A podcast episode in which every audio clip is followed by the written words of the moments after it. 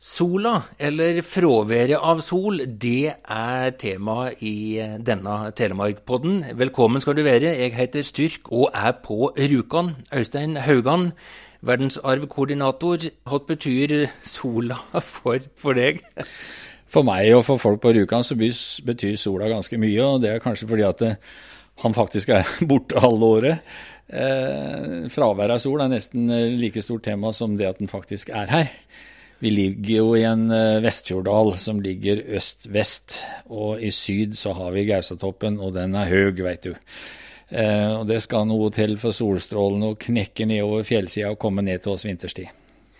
I dag eh, skinner sola på Gaustatoppen. Nydelig å se toppen bada i sol. Det blir eh, litt om solfest, og det blir litt om solspeilen, og det blir litt om hvordan det med sola eller fravær av sol eh, påvirker folk på Rjukan.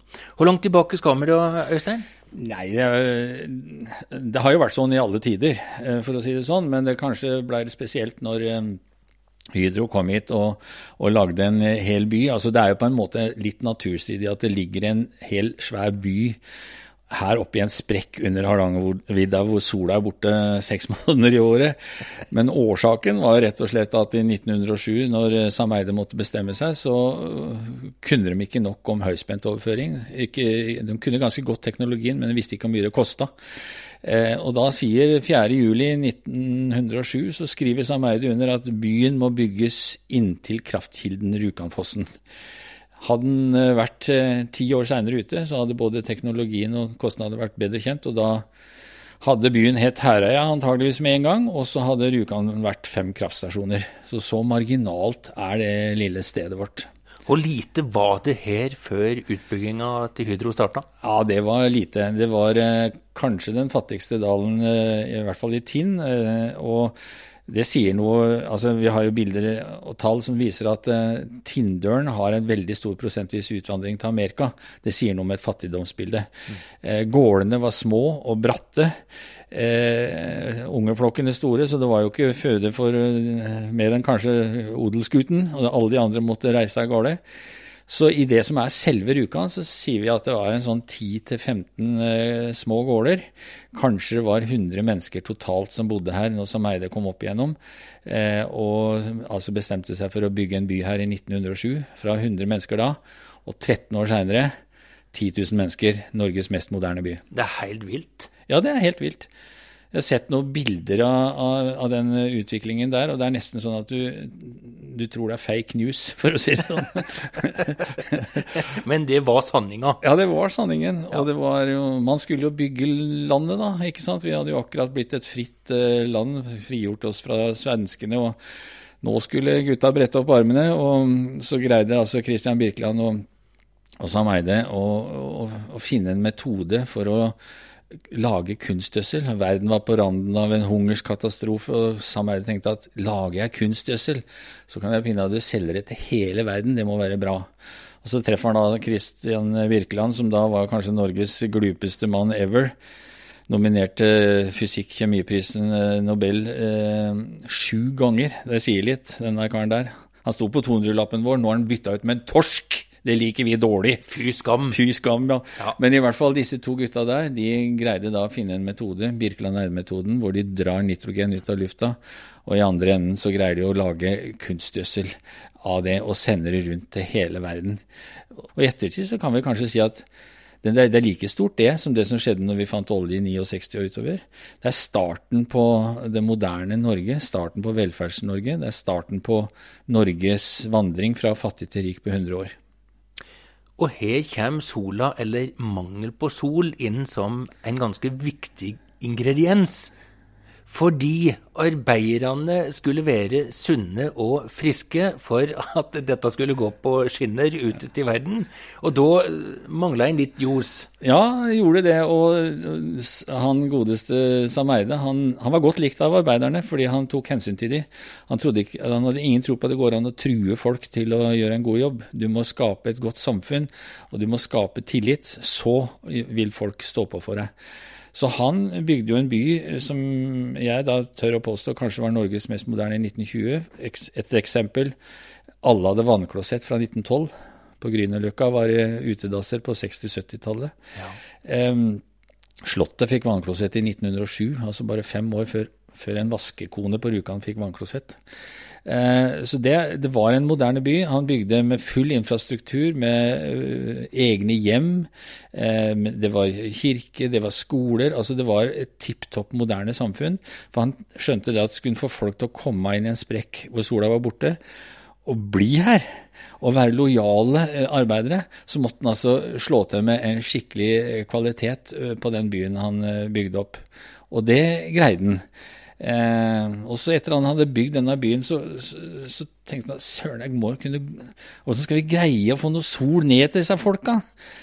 Og så var det en luring oppi her, en, eh, faktisk en, en, revisor som da sitter på sitt kontor og kanskje hadde noen trøtte tall, så fant han kan vi ikke bygge et speil oppi fjellsiden, da? Og så skrev han et innlegg i Rjukan Dagblad om dette her, ja. og sa at eh, det ville han se på som en god idé. Og så gikk det vel en måned, så sier Sameid at det var så god idé at den ideen kaller jeg for min. Så han rappa ideen fra ja, revisoren? Ja, han syntes det var en kjempegod idé, i hvert fall. Sameide han hadde jo power, ikke sant, så han dro ja, ja. til. But, but. Og hadde god selvtillit. Um, men det var faktisk en av de få tingene som Sameide ikke greide å gjennomføre oppi her. Ideen ble født i 1913, men han mangla jo datamaskiner. Han mangla computere, slik at han kunne ha disse speila til å følge solas bane. Det blei jo bare å sette opp et speil, men da ville jo det lyse helt tilfeldig ned på byen her. Mm. Eh, så det var en idé som da han ikke greide å gjennomføre, faktisk. Det var rett og slett for tidlig? Ja, den ideen var nok litt for tidlig ute. Og det er sånn med store ideer av og til. De trenger å modnes. Noen kan nok være litt for tidlig ute. Men han ga seg ikke med det, for sola skulle han gi folket på Rjukan. Ja, og da er det kanskje ikke Sameide som person, men Hydro som konsern. De fulgte opp Sameides ånd og sier at eh, vi skal lage et trivelig samfunn her. Og dette med sol og fravær av sol, det har jo vært eh, her veldig lenge. Så var det en som, eh, ingeniør på Hydro som da fant ut at når vi ikke har sol, så må vi i hvert fall lage solfest når han kommer tilbake. Sola. Og sola kommer tilbake på Fabrikkbrua 12. mars klokka 12. Og rett i etterkant av det så starta vi med å lage solfest i Rjukan i 1925. Svært karneval nede på Sportsplassen med is og svære igloer og, og masse flott, med solprins som da trona høyest. Eh, med masse flotte terner. Det var liksom de flotte damene da, som var stasa ut, og en Herald som annonserte at han kom. Jeg tror det var hesteoppbud, det var masse flott. Så solfesten den liksom virkelig slo han fra 1925. Det har liksom vært et sånt tegn oppi her, da. Eh, det barnet som er født nærmest 12. Eh, mars klokka 12, det blir årets solbarn. Så sola er viktig. og Hydro som sagt, de fortsatte det, tanken sin med hva kan vi gjøre med at, ikke sol, at ikke folk på Rjukan får sol på kroppen vinterstid. Så i 1928 så bygger de gondolbanen Krossobanen fra Rjukan opp til et sted som heter Gvepseborg, som ligger da nesten eh, ja, 800-900 meter over havet, der det er sol hele året.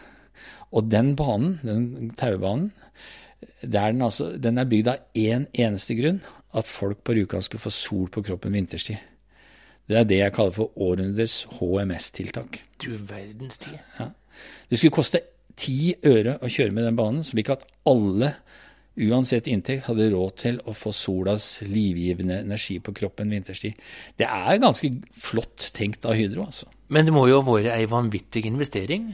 Ja, helt sikkert. Og det har aldri vært forretningsmessige eh, grunnlag for å drive den banen. Den var rett og slett på som en utgift til inntektservervelse, vil jeg tro. Altså hvis Jeg tror Hydro tenkte sånn at hvis eh, folk får sol på kroppen vinterstid, så trives de bedre, så får de litt bedre helse, så er de mindre syke, så er de mer på jobb, så produserer vi mer, så tjener vi mer. Det er samfunnstenking. Men er det en viss egoisme bak det òg? Ja, det kan du si, men det er jo litt vinn-vinn, da, som vi snakker om i disse dager. Altså, Hydro tjener eh, mer penger eh, jo bedre arbeidsstokk de har. Eh, men det er jo også flott for de som faktisk er arbeidsstokken, at de har bedre helse, og at de også tjener mer penger. Hvordan ble dette mottaket hos folk, da? Veldig bra. Krossebanen var, var eh, kjempepopulær. Eh, altså, de hadde jo, Noen år så hadde de over 100 000 eh, betalende opp dit, som altså skulle opp, gå, eh, opp i sola og gå på ski. Eh, og Det er jo, det er jo sydenden av Hardangervidda vi snakker om. Du går, når du kommer opp på Vepseborg, så har du noen få meter, og så er du oppe på Hardangervidda og kan gå helt til Finse. Altså, det er fantastiske områder der oppe. Så og den banen blei jo brukt eh, av unger og av voksne med en eneste gang. Det ble kjempesuksess. Og jeg har jo vært så heldig at jeg har truffet flere av disse tungtvannssabotørene som var her fra Rjukan, bl.a. Klaus Selberg. Og han husker jeg fortalte om crossebanen at hver gang de kom hjem fra skolen, disse gutta her, sommer, vinter, høst og vår, så tok de crossebanen opp på fjellet. Dårlig vær, fint vær, telt, biojakk, jakt, fiske, kart, kompass, ski oppover, ski bortover. Tur i de gutta kunne fjellet, eller? Han sa det at Krossobanen blei en fantastisk treningsarena for det noe vi ikke visste skulle komme, sa Klaus Helberg. Og da var han altså 10-12 år da når «Krossobanen kom. Og 15 år seinere, i 1943, så fikk de altså fantastisk bruk for den kunnskapen de hadde lært seg ved å ta Krossebanen opp på fjellet hele året. Hvor lenge var Krossebanen på, på høgda eh, som solkjelde?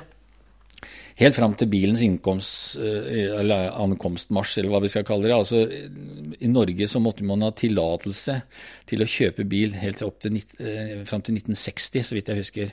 Først da var det liksom frigjort at du kunne kjøpe bil det du ville. Eh, og det var det er klart at de aller fleste hadde jo ikke råd til bil da, så da var crossebanen den eneste og raskeste og billigste veien til fjells. Så, så, fra opp til den tida der så var det lange køer på en lørdag og en søndag på Krossebanen. Du kunne stå og måtte vente kanskje både én og to timer før du kom opp med banen og kunne begynne å gå innover fjellet. Hjelpte det på arbeidsmoralen å komme opp på fjellet og se sola, da, tror du? Ja, jeg tror det.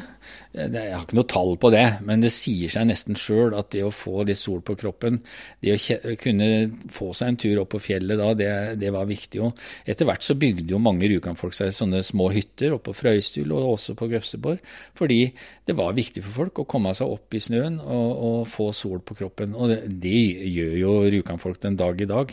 Vi sitter ikke nede i dalen her på en fin eh, dag. Vi, vi, skjønner at da er det flott på fjellet, så da kjører vi opp eller tar banen opp.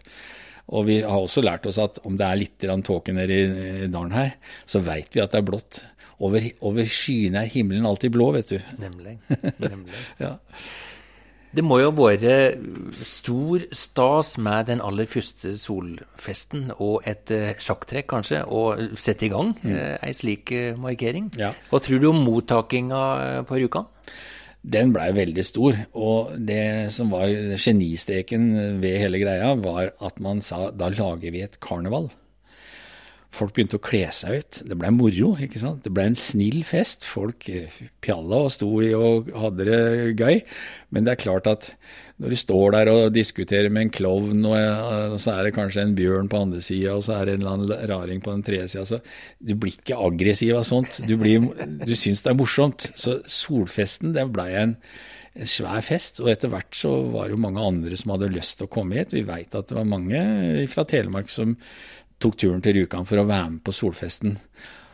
Og sånn er det jo for så vidt med solfesten enda.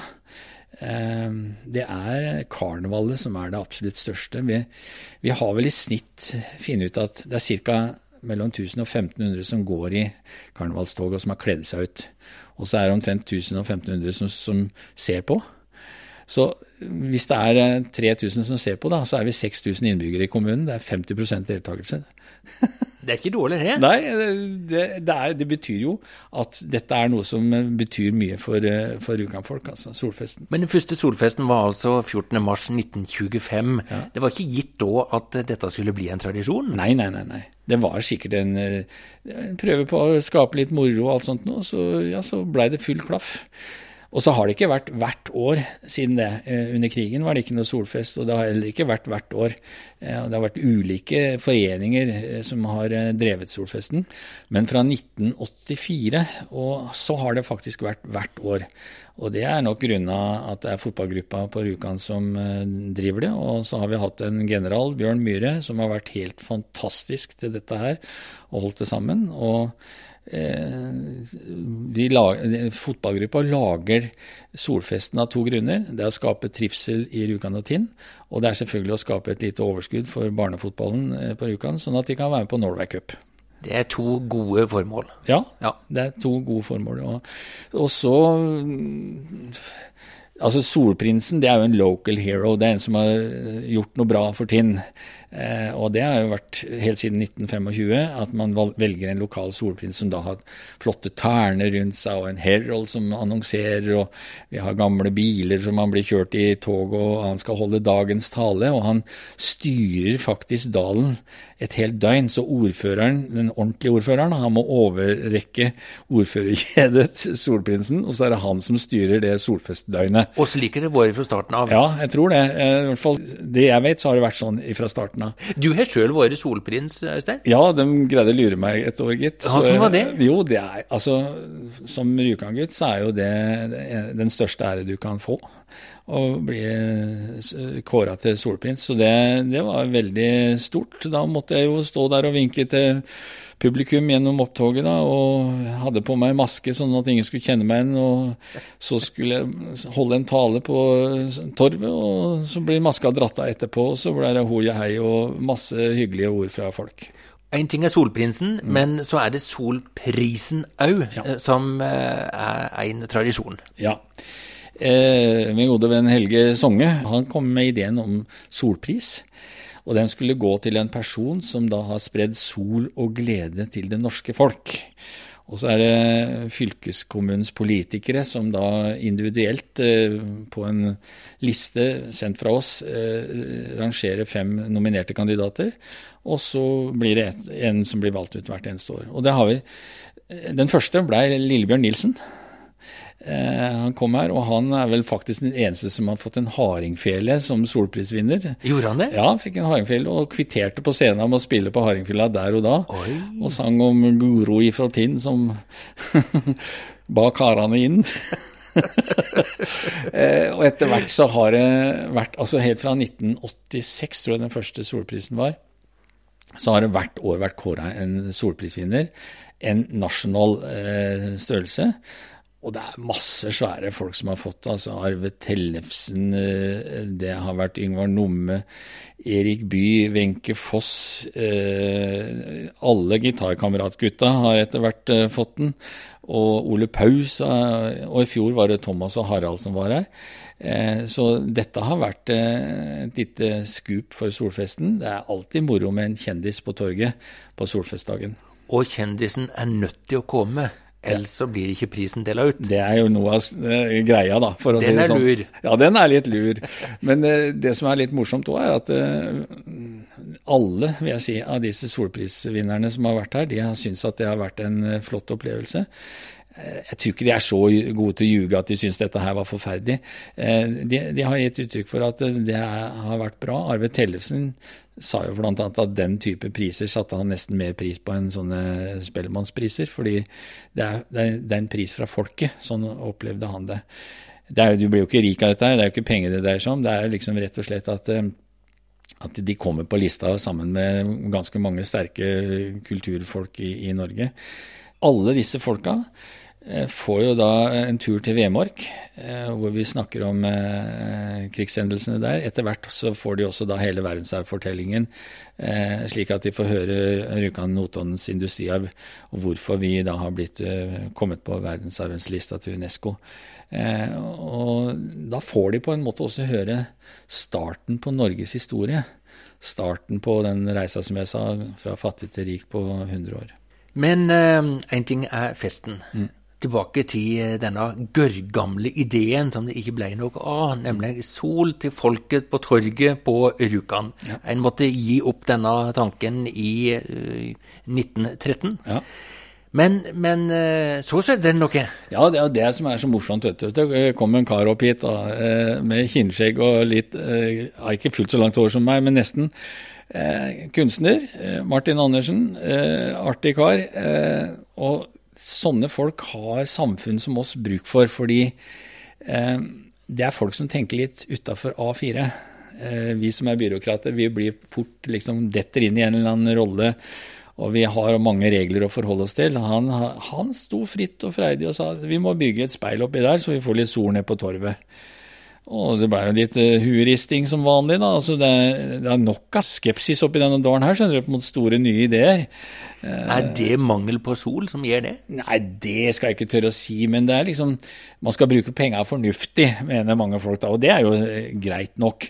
Men altså, når Vemork ble lansert, så var det 1200 underskrifter imot. Når Rjukanbadet ble annonsert, så var det 1200 underskrifter imot. Og når Solspeilet ble annonsert, så var det 1200 underskrifter imot. Oh, ja. jeg, jeg, tror ikke det er de samme 1200, men det er liksom Men tall er det samme? Ja, det, ja sånn nesten da, i hvert fall. Ja. Eh, eh, det er eh, folk som leser, skriver innlegg i Rjukan Blad at ikke bruk penger på det tullet der, liksom. Dette har vi hørt før, det greide dere ikke i 1913. Ja. Så, så, ikke tenk på det. Nei da, vi må bruke penger på sykehjem og sånne ting. Og det er greit at folk eh, diskuterer og har meninger, det syns jeg er helt sunt og bra for et samfunn.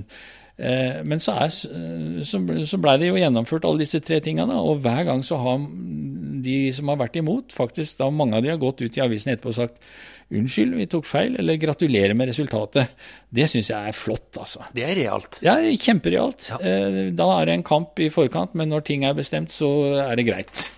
Men eh, nå er det slik at eh, Martin Andersen, han eh, kom på denne gamle ideen at i 2005. Ja. Eh, og det var jo Det var jo en kamp, som du sier. Det var ikke gjort over natta, dette? Nei, det var ikke det. Han kom med ideen, og så blei det behandla i kommunestyret, og da blei det satt av 300 000 til et forprosjekt. Så engasjerte vi Martin til å gjøre det, og han leverte et flott forprosjekt. Han var bl.a. på en studiereise i Viganella i Italia, for der er det satt opp en sånn solspeil, ikke som speil, men som en aluminiumsplate. Så det funka sånn noenlunde, men det var liksom ett sted, en sånn trang dal i Italia. Eh, men han leverte et, eh, et, forprosjekt hvor han konkluderte med at ja, det går an å sette opp et speil eh, bygd som heliostat. altså Det betyr rett og slett at det er bygd på to akser, en vertikal og en, høy, og en horisontal, som kan bevege seg etter solas bane og reflektere sola ned på torvet. Det vil koste ca. 5 millioner kroner, sier kunstneren Martin. Ja. Og ja, ja, og, men skeptikerne sier at kunstner har vel ikke greie på penger og teknikk, og det var jo mange som sa at dette blir jo mye dyrere, og det kommer til å blåse i stykker, og det blir kjempevedlikehold og masse sånne ting. Eh, så det gikk en ganske lang tid, da, men så fikk vi faktisk eh, litt gjennomslag i kommunestyret igjen for at vi prøver dette her på Kongsberg High Tech. Så eh, det var et firma som het eh, DVTech i eh, Kongsberg, som vi da reiste til og sa hei, kan dere bygge et solspeil oppe i fjellsida for fem millioner kroner? Det var oppgava. Og så tente den på dette her, syntes det var dritmorsomt. Og dette er jo folk som, som virkelig jobber high-tech, altså. Og de kom tilbake med ja, det tror vi kan gå an. Og summa summarum så greide vi å få finansiert det. Én million fra Tinn kommune, og de fire andre fra utenforstående finansielle kilder, hvorav f.eks. Hydro eh, gikk inn med en million fordi eh, Brandtzæg, direktøren, sa dette er innovativt, det har vi lyst til å være med på. Ja. Eh, Husbanken var med med en million, for de kalte det for bolyst. Altså, det blir, det blir morsommere å bo på Rjukan når vi får et sånt solspeil. Ja, ja, Jeg tror det var 75 helikopterlift ja, opp til fjellsida med eh, sement og støp og speil og mekanikk og greier. Um, og de lagde da eh, tre speil på tre heliostater, 17 kvadrat per speil, 51 to sammen, som da beveger seg eh, og styrt av ei datamaskin. Hvis du er der oppe, så hører du det tikker hvert 15. sekund omtrent. Og da beveger det seg bitte lite grann, for de følger solas bane. Ja. Og det, Sola er jo bare i én posisjon én gang per år, så det, det, betyr at det her må jo følge det hele veien. Og det er Bosch, tysk eh, Bosch, som da har lagd et, et dataprogram som, eh, som, gjør at eh, speilet følger solas bane og reflekterer solspeilet ned på Rjukan torv som en teaterspott. Så det treffer samme eh, plassen på Rjukan eh, torv omtrent hele tida. Og, og det reflekterer 80 av, av sollyset. Og eh, det blir en tre-fire grader varmere inni den kjeila nede på torvet enn det er utafor. Og vi, vi, som er fra Tinn, vi pleier å ljuge litt, så vi sier at hvis du står på torget i Tinn kommune om sommeren, så kan du bli brån på både sidene. For da får du altså sol fra syd og sol fra nord. Men den sola som kommer fra solspeilet, UV-strålene ligger igjen der oppe. Så du blir ikke så broen? Nei, jeg blir ikke så broen på vårsiven, nei. nei. Men eh, det er litt moro å surre med, da.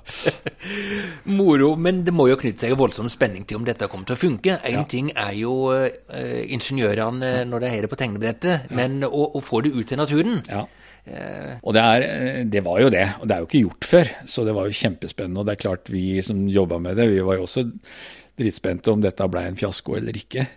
Eh, men nå har det altså funka i fem år. Eh, stort sett uten eh, problemstillinger. Det drives jo da ved et solcellepanel der oppe og en vindmølle. Men så de to første åra så, så vi at i januar så blei det litt for lite power av det. Så da har vi da en backup på en dieselaggregat som gjør at de svære eh, batteriene som må ha en viss nivå, som er, som er liksom kilden der oppe, da, de eh, får nok strøm, sånn at eh, maskineriet kan putle og gå. Så det er Og så har vi laget inn en liten sånn, hva skal vi si Hvis det var for hard vind, så legger speilet seg ned i hvilestilling. Okay. Sånn at det ikke står som et seil i storm, liksom. Det legger seg ned i hvilestilling når det er hard vind. Det var jo voldsom festivitas og spenning ja. da, uh, da solspeilene åpna. Ja. Uh, husker du den dagen? Ja, jeg husker den dagen, for det var fryktelig spennende. og vi, vi, skulle jo lage eh, litt PR på det, og det, altså vi blei helt overvelda, for det ringte fra hele verden. Det kom tolv TV-selskaper, internasjonale TV-selskaper fra Brasil, USA, Tyskland, England, Arabia. Altså, jeg ble dubba på arabisk fjernsyn. Det var ganske morsomt, forresten. Gjorde du det? Ja. Øystein Haugan eh, dubba? På arabisk fjernsyn. Det var, ja, ja. lyshåra eh, arabisk. Det var ganske morsomt. Lys, lyshåra sjeik. Ja. Men i hvert fall, de, de kom der, og vi, vi visste jo ikke helt om, om det blei fint vær den dagen vi hadde satt av. Så vi inviterte dem faktisk over tre dager. Og de var her i tre dager. Så vi hadde dem jo med på uh, hele verdensarven, på båtene, og vi hadde dem til Gaustatoppen Vi presenterte hele kommunen vår. Så det blei jo et skup. Kjell Gunnar Dale, pressesjef, han gjorde en fantastisk jobb på de greiene der med å få folk til å liksom Presse, pressen fra hele verden da, til, å, til, å, fortelle om dette. Og det sto omtalt i 1200 internasjonale medier. Og vi eh, Altså, jeg har ikke greie på det, men Telemarkssendinga spurte eh, Jakob Lund ja. hvor mye er dette verdt i, som sponsorpenger. Og han sa at det var verdt et eller annet sted mellom 200 og 400 millioner. Så da er den ene millionen Ting kommune la i solspeilet, det må være århundrets beste investering hva gjelder markedsføring. Det er jeg helt sikker på. Men hva skjedde? Ble det, ble det åpning første, andre eller tredje Nei, jeg dagen? Jeg tror faktisk vi traff eh, inneblink. Fordi at eh, vi, vi, hadde jo lagd Vi fylte ellers torvet vårt med sand, så vi lagde liksom Copacabana på torvet. da. Og, og vi hadde volleyball, eh, sandvolleyball, og folk Alle som kom dit, fikk solbriller og vi, vi var, hele Tinn var jo der. Og sangkoret Agitato flere, og det var vel eh, også en sånn eh, jazzeskeis-gruppe. De kledde seg ut da, i bikini, dog med svarte stillongser under og lå på solsenger med, med paraplydrinker og solbriller. Og, og, så hadde vi da bl.a. Jørn eh, Lande, altså Jorn, vår lokale hero på eh, hardrock. Han hadde vi leid inn til å skulle rocke fram litt musikk. Og midt i en av hans rockelåter så traff sola speilet, og den første solspeilet traff Rjukan torg. Det var magisk, altså. Og da satt det altså masse folk rundt omkring på TV-apparatene sine i Norge og verden ellers og så dette her. 100 år etter at ideen ja. først ble født, ja. så kom sola, så kom ungen. Ja, så kom den. Ja. Det var ganske morsomt. Og, og det at det blei så kjent verden rundt altså En kamerat av meg som heter Leif Eek, han, året etter så tok han et, en ferietur til, eh, til Nepal. Og det innerste er ikke Katmandu det heter, den hovedstaden der. Innerst i den, der fant han en fattig liten restaurant. Det var, så, det var liksom blikkskur. En eh, eneste reklameplakat, Coca-Cola selvfølgelig, og det kjøpte han. Ja, ja. Og så sitter han der og så spør innehaveren hvor kommer du fra. Ja, han kom fra en liten uh, Nei, han kom fra Norge, sier Leif. Ah, Norway. Så hadde han hørt om en bitte liten by i Norway som ikke hadde sol, men som hadde satt opp et solspeil. Så sier Leif 'My town'. Innerst i Katmandu. det er kult. Ja, det er tøft. Ja, det er tøft. Det er tøft. Hvor mange måneder i året er sola ikke her? Er det fem måneder? Ja, det, er jo, det, er jo, litt ulikt, da. Men ja. det, er, det, er, seks måneder vi sier. Men ja. det er klart, direktøren, som bodde høyest oppe i Villaveien, han fikk sola en måned før de som bodde nede i, helt nede ved elva. Så, så er jo, sola er jo også et bilde av klasseskille. Direktørene eh, og ingeniørene som bodde i Villaveien, fikk sola en måned før eh, arbeiderne nede i Flekkebyen.